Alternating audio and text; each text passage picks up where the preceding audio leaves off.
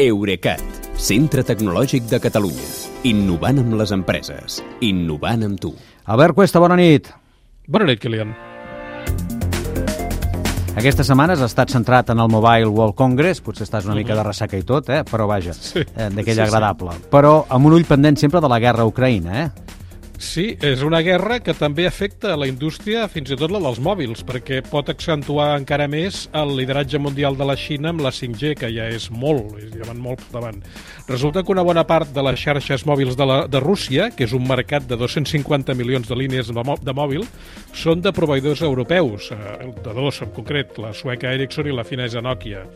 I als passadissos del Congrés es parlava de que si aquestes dues empreses s'afegeixen a les sancions comercials d'Occident a Rússia, les telefòniques d'allà no tindran altra opció que comprar equipament de Huawei, que naturalment estarà encantada de vendre'ls.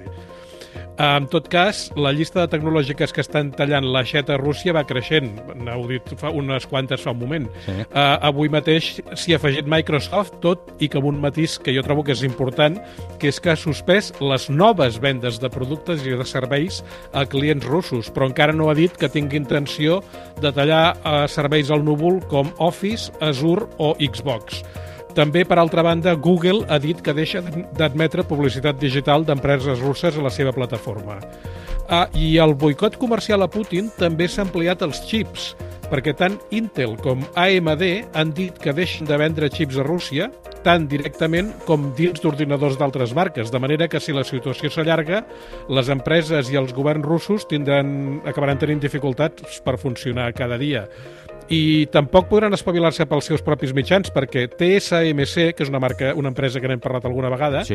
eh, deixa de fabricar també xips a mida per a clients russos i això té el seu mèrit considerant que l'empresa és a- a Taiwan, que està sota amenaça permanent de la Xina i la Xina ara com ara manté les distàncies amb Putin però no condemnar la invasió.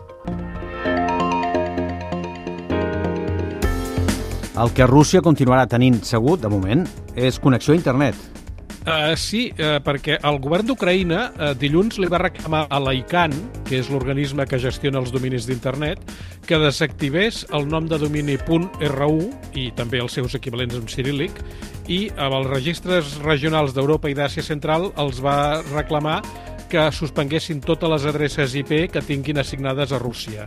L'efecte que hauria tingut això és desconnectar Rússia de la xarxa mundial, perquè tot i que no es talli cap cable, eh, si no hi ha noms de domini... Eh, No es poden s'hi trobar. Pot, no, no es poden trobar, no? Mm -hmm. eh, tanmateix, l'ICANN ha refusat fer el que aquí li demanava, eh, tot i expressar la preocupació de l'organisme pels patiment dels ucraïnians, l'organisme explica que el seu paper no inclou prendre accions de càstig, aplicar sancions ni restringir l'accés a segments específics de la xarxa, siguin quines siguin les provocacions. En concret, l'organisme diu que el seu, la seva missió és garantir que internet funcioni i no que deixi de fer-ho. De manera que continuarem rebent informació de Rússia, sigui o no verídica, eh, per la Això, xarxa. Aquesta és l'altra, sí, aquesta és l'altra. Em temo que sí. Moltes gràcies, bon cap de setmana, Albert. Ah, fins dilluns, Kilian, bona nit.